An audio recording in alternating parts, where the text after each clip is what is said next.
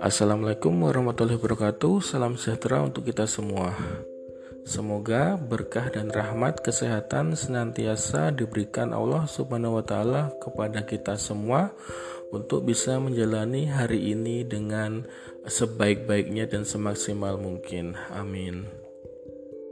Senang sekali pada kesempatan hari ini kita bisa berjumpa lagi dalam acara seperti biasanya yaitu unek-unek bersama bakti.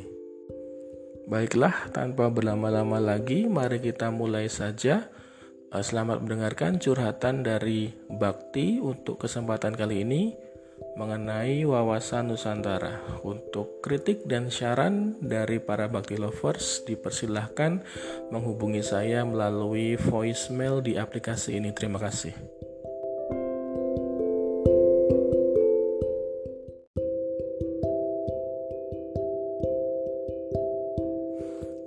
Wawasan Nusantara seperti biasanya kita terlebih dahulu ingin mencari definisi apa itu wawasan Nusantara agar kita lebih akrab, lebih paham tentang topik yang kita bahas undang-undang hari ini. Wawasan Nusantara atau dalam bahasa Inggrisnya dikenal dengan istilah National Outlook secara etimologi atau secara kata per kata terdiri dari dua kata di sana yaitu kata wawasan dan kata nusantara. Nah, apa itu wawasan? Wawasan berasal dari bahasa Jawa yaitu wawas yang artinya adalah pandangan ataupun tinjauan ataupun penglihatan ataupun tanggapan secara indrawi.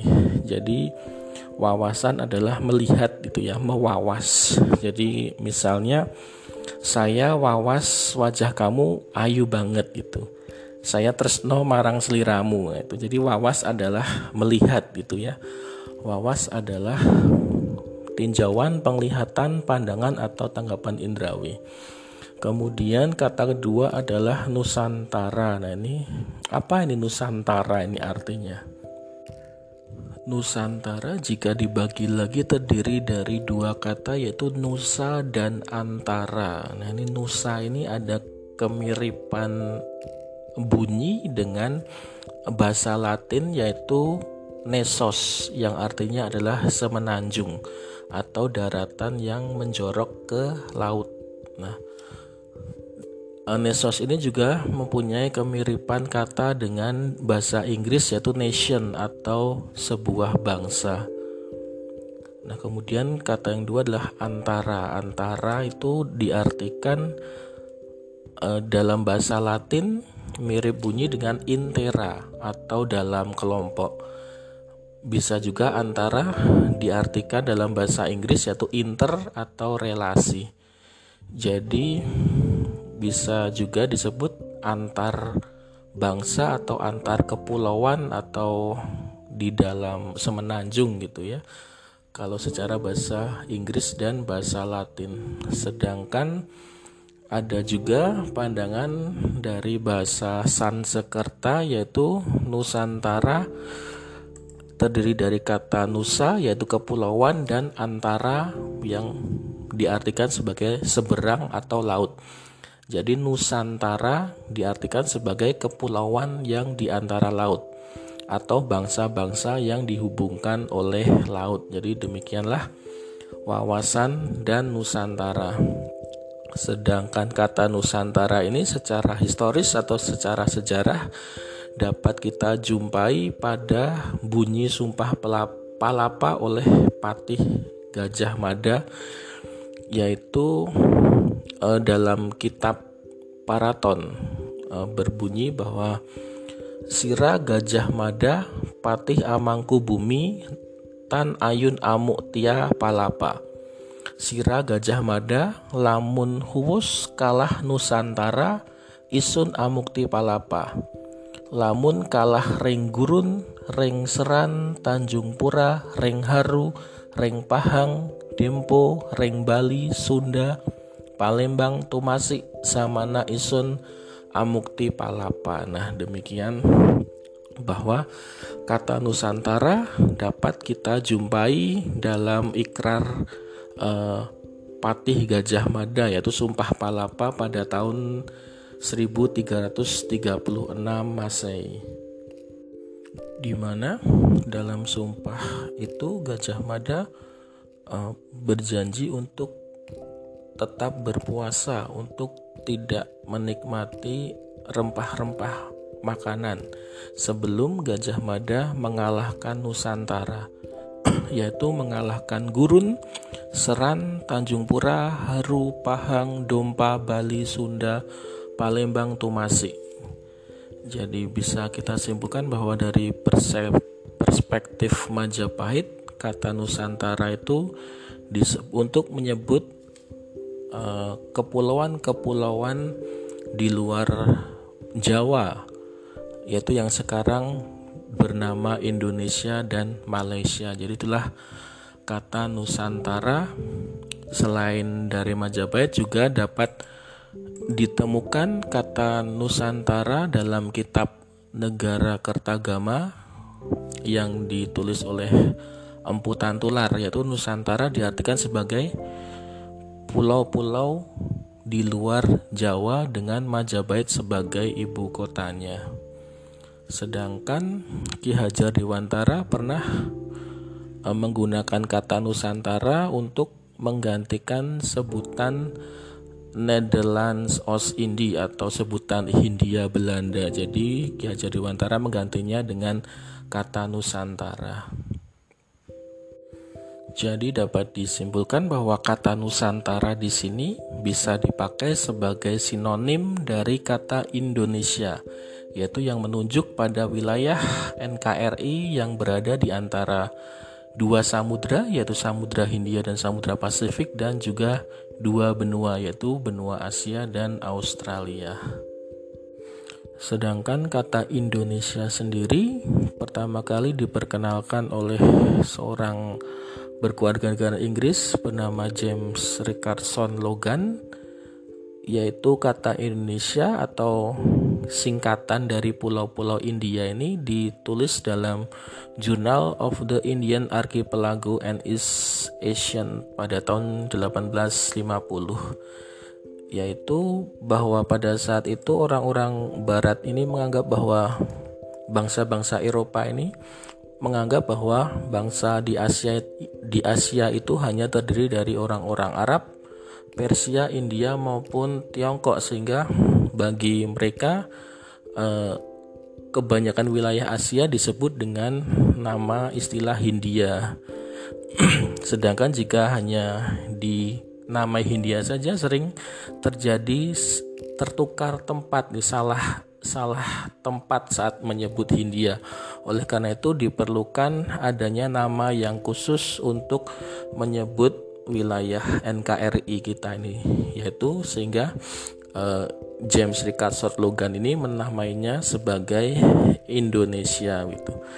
Kemudian pada tahun 1882 lebih dipopulerkan lagi dengan kata Indonesia ini ditulis di dalam buku panduan bahasa Melayu dan menyebutnya dengan istilah The Island of Indonesia ini pada tahun 80 1882. Kemudian oleh Adolf Bastian juga disebutkan uh, dalam artikel ini bahasa Jerman uh, Indonesian Oradis in Yendes Malaysian Archipel atau Indonesia dan pulau-pulau di kepulauan kepulauan Melayu. Jadi eh, saat itu eh, Indonesia semakin eh, lebih populer digunakan untuk menyebut wilayah NKRI. Dan pada awal abad ke-19 pun perhimpunan mahasiswa di Belanda menyebutnya menyebut diri sebagai Perhimpunan Indonesia. Eh, pada Kongres Pemuda Indonesia kedua pada tahun 1928 dalam peristiwa Sumpah Pemuda juga digunakan istilah Indonesia sebagai sebutan bagi bangsa, tanah air dan bahasa untuk menggantikan kata Nusantara tadi. Kemudian pada saat proklamasi Indonesia menjadi nama resmi negara dan bangsa kita. Jadi demikianlah definisi dari wawasan Nusantara secara etimologis atau kata per kata. Sedangkan uh, terdapat juga pendapat dari para ahli mengenai definisi wawasan Nusantara antara lain oleh Wan Usman menyatakan bahwa wawasan wawasan Nusantara adalah cara pandang bangsa Indonesia mengenai diri dan tanah airnya sebagai negara kepulauan dengan semua aspek kehidupan yang beragam. Eh, lanjut, sedangkan menurut Majelis Permusyawaratan Rakyat tahun 1998 menyatakan wawasan Nusantara merupakan cara pandang dan sikap bangsa Indonesia mengenai diri dan lingkungannya dengan mengutamakan persatuan dan kesatuan bangsa serta kesatuan wilayah dalam penyelenggaraan kehidupan bermasyarakat, berbangsa, dan bernegara. Nah, jadi demikianlah agar kita bisa lancar, bisa baik dalam jalan kehidupan, maka kita penting untuk bisa memandang diri kita sendiri. Kita lebih mengenali diri kita sendiri Selain diri kita sendiri, kita juga harus bisa memandang, mengenali lingkungan di sekitar kita agar kita kemudian bisa bersikap yang lebih tepat terhadap diri sendiri dan lingkungan kita. Jadi, contoh sederhananya saja, eh, saya juga menyadari bahwa saya masih single, masih jomblo di masa sekarang ini, tapi saya juga memandang bahwa diri saya ini ya mempunyai banyak positif juga, mempunyai banyak kelebihan juga. Dan meskipun jomblo, saya tetap jomblo yang berkualitas. Jadi saya dalam berperilaku di lingkungan saya pun saya juga tidak mau atau anti untuk menjadi bucin atau budak cinta itu sangat tidak saya banget. ya, jadi saya tetap memandang diri saya sebagai diri yang jomblo dan berkualitas. Lagi pula kan terdapat uh, kata bijak yang menyatakan bahwa jomblo adalah mendapatkan pasangan hidup yang sempurna yang tertunda gitu. Jadi tidak apa-apa bagi kaum jomblo, kita hanya tertunda saja gitu.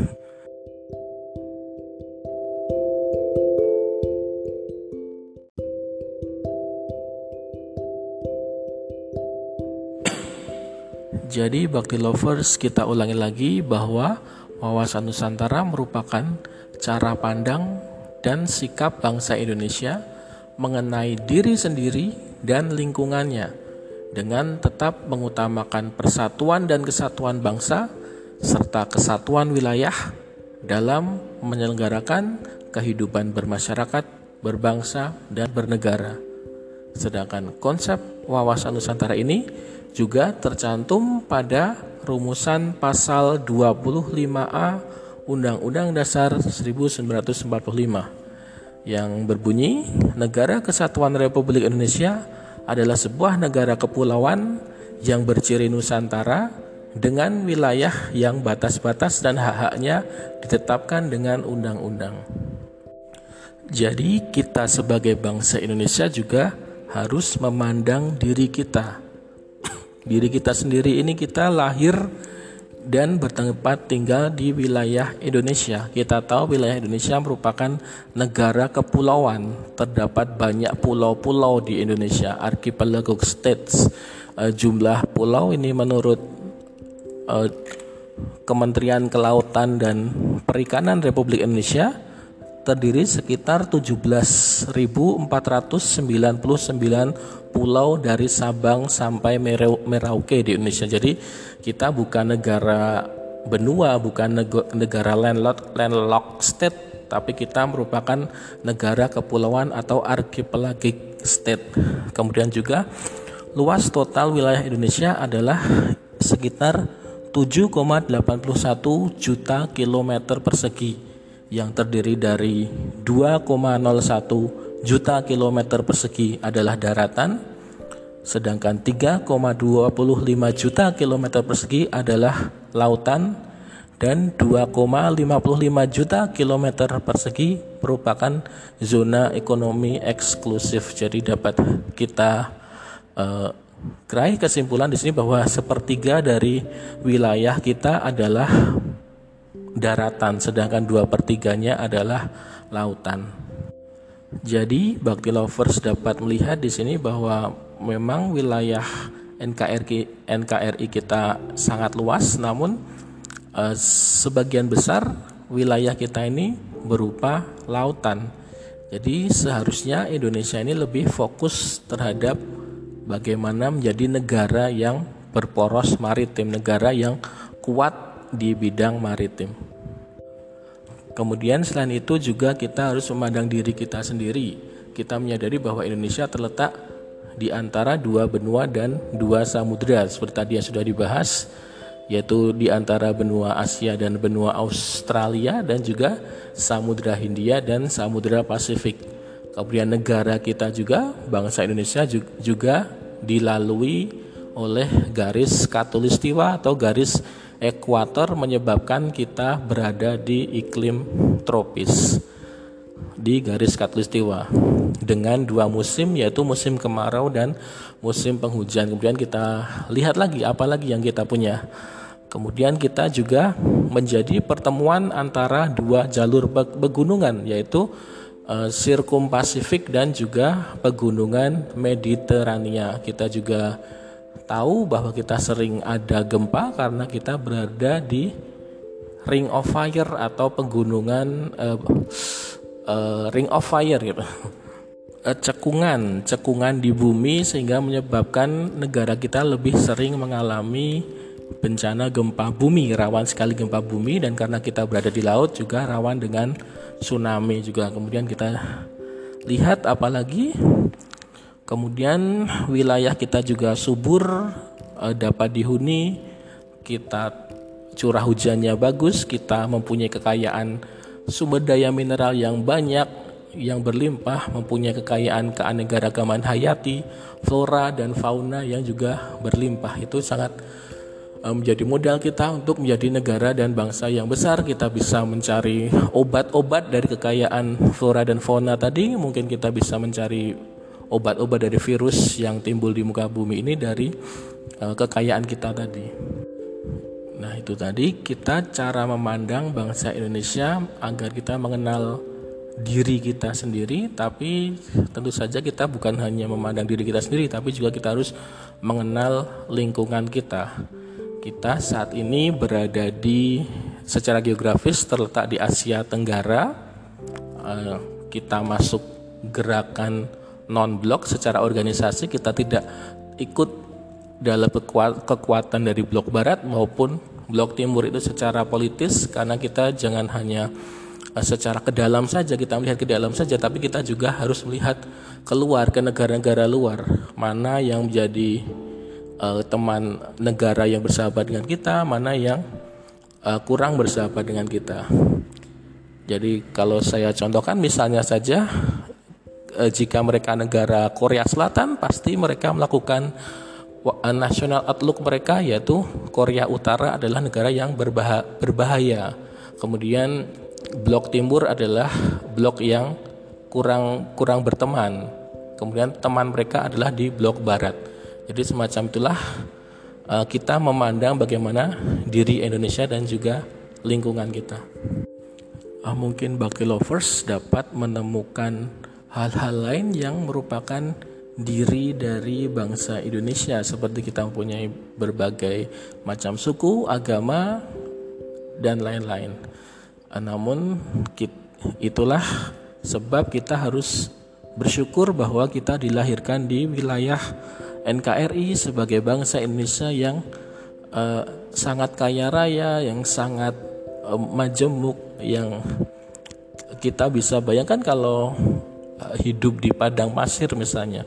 Memang wilayahnya luas tapi unhabitable atau tidak dapat dihuni sebagian besar. Cuacanya juga panas dan lain-lain. Jadi kita tetap harus bangga dan juga bersyukur bahwa kita dilahirkan di bumi NKRI ini.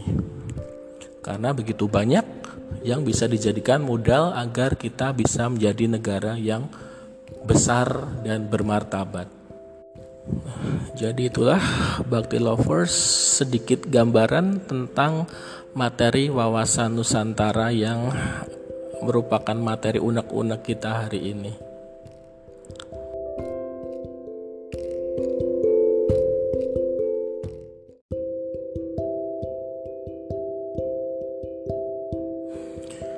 Oke, teman-teman Bakti Lovers, di mana pun kalian berada, sekarang kita masuk ke segmen Yakiniku. Ya, inilah opiniku. Di mana di segmen ini teman-teman Bakti Lovers akan berkesempatan untuk mendapatkan sesuatu yaitu berupa ucapan terima kasih dari saya secara pribadi langsung dari handphone saya. Jadi bersiaplah. Nah, untuk yakiniku pada kesempatan hari ini saya ingin menanyakan kepada teman-teman bakti lovers tolong sebut ada berapa uh, jumlah pasal pasal yang terdapat di Konvensi Hukum Laut Internasional atau the United Nations Convention on the Law of the Sea disingkat UNCLOS tahun 1982. Nah, jawaban bisa di WA-kan saja ke nomor WA pribadi saya untuk kemudian akan saya beri tanggapan berupa ucapan terima kasih bagi segelintir bakti lovers yang beruntung. Terima kasih. thank you